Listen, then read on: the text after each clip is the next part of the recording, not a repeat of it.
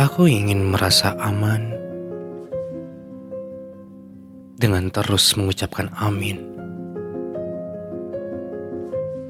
Aku ingin merasa tenang tanpa harus mencari ingin.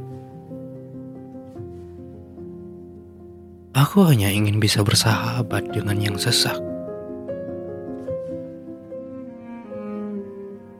Aku hanya ingin bisa berdamai dengan hal gagal. Lalu waktu mulai merangkul aku dalam rangkaian di masa lalu.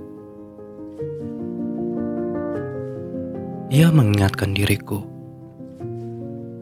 tentang rintangan-rintangan yang sudah terlewatkan terselesaikan aku.